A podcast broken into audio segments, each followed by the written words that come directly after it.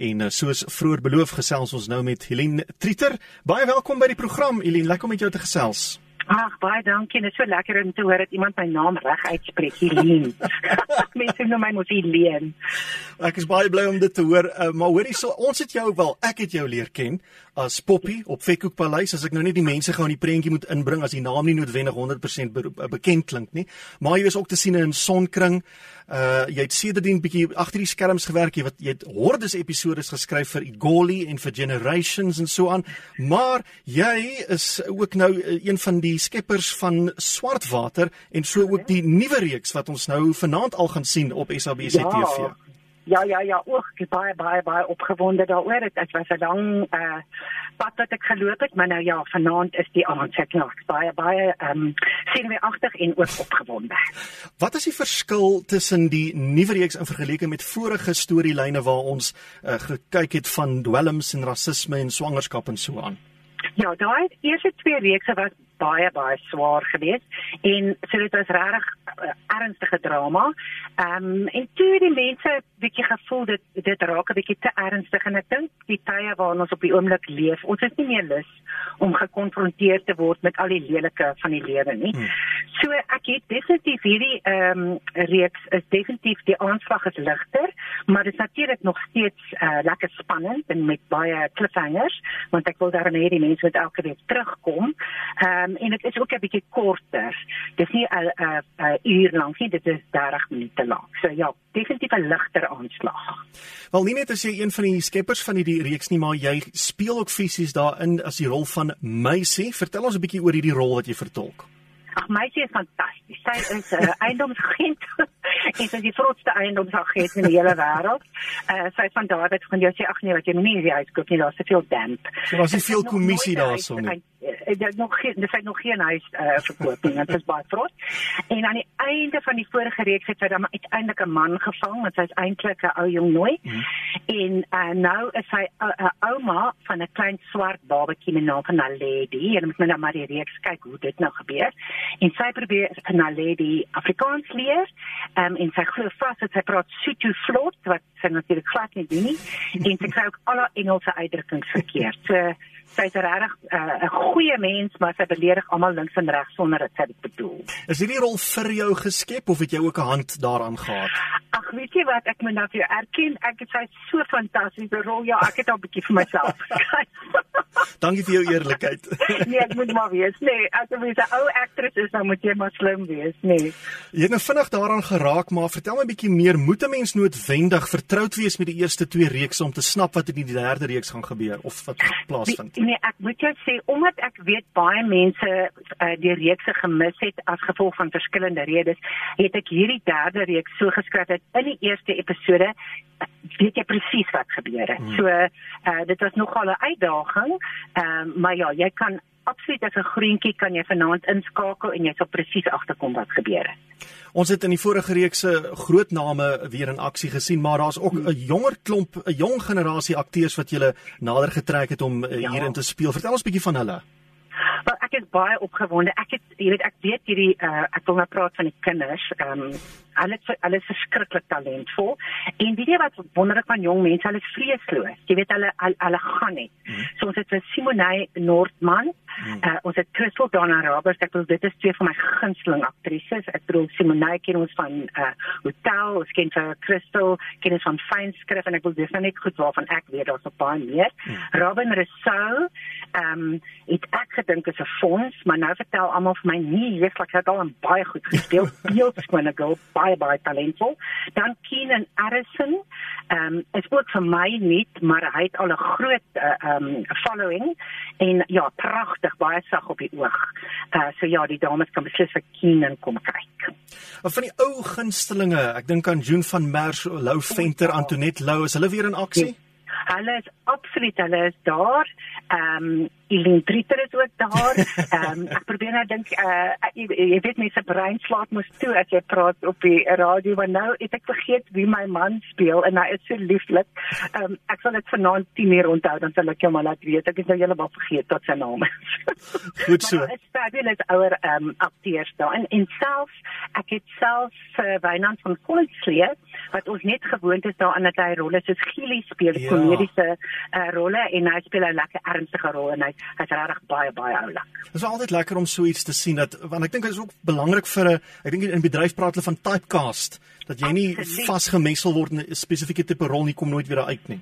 Absoluut en jy weet ek ek is as as 'n skrywer doen ek dit nogal aspirus. Ek hou daarvan om iemand uh heeltemal buite hulle kassie te vat uit hulle hmm. gemaksone. So Simone uh het vir my gesê, "Sjoe, ja, sy het nou nog nooit so 'n tipe rol gespeel nie. Sy speel 'n uh, rol van 'n dametjie met die naam van Grisanda."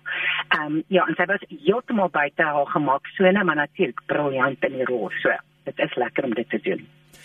Met COVID-19 het kamper. O, is dit goed, dis hy daar so goed so. Kamper wil my man skief gerben, jammer.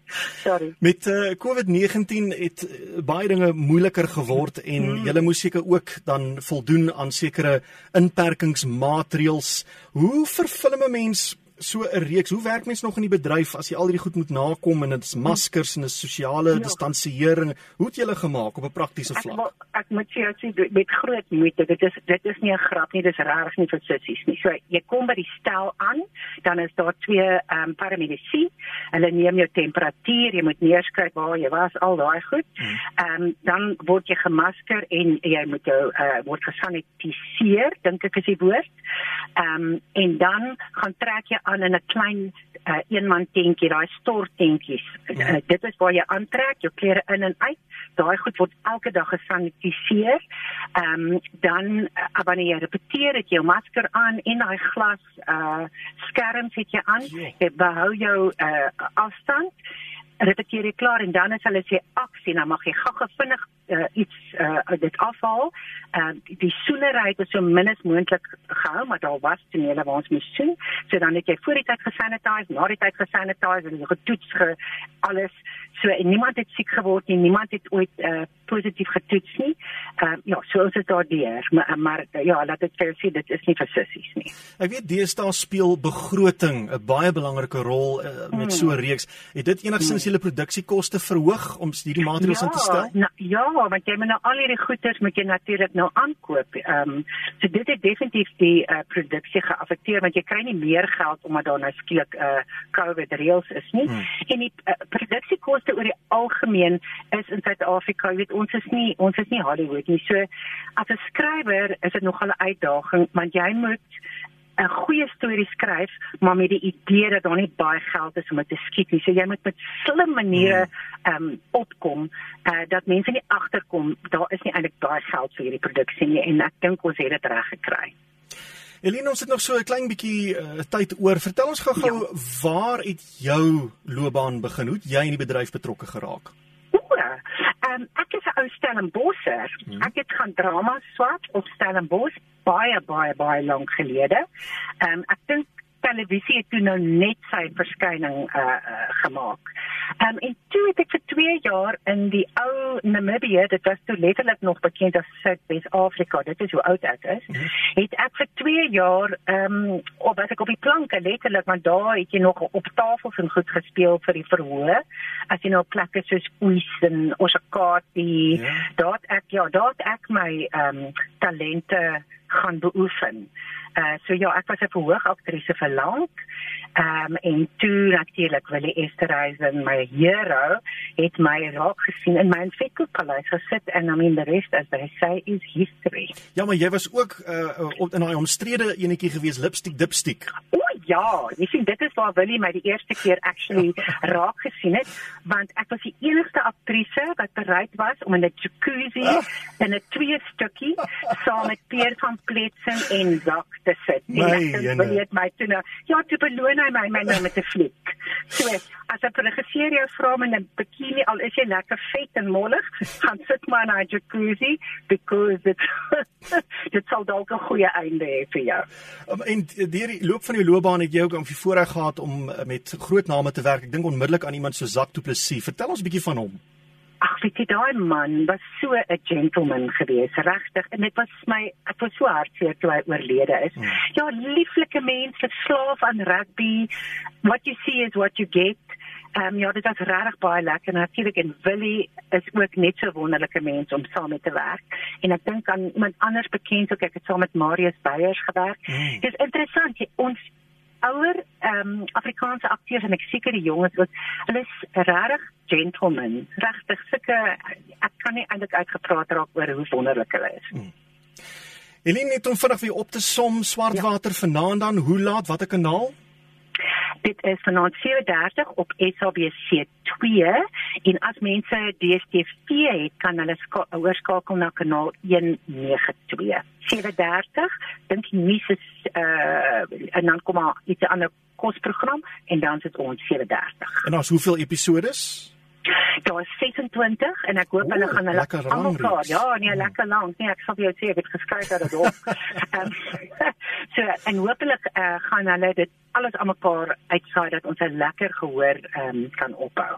Alle voorspoed. Ek is seker die terugvoer gaan wonderlik wees en baie dankie vir julle harde werk om ons bedryf van die gang te hou en dit was heerlik geweest om met jou te gesels. Baie baie dankie. Ek waardeer dit. Hoor, lekker aan. Totsiens. Goed, hoor, bye. Dit was Elin Trieter. Sy is die skepper van Swartwater waarvan die derde reeks vanaand begin om uh, 7:30 dit is dan uh, Swartwater reeks nommer 3 26 episode waarna jy kan uitsien uh, op SABC2. Sy is ook self te sien in hierdie TV-reeks, die rol van Maisie wat sy vertolk.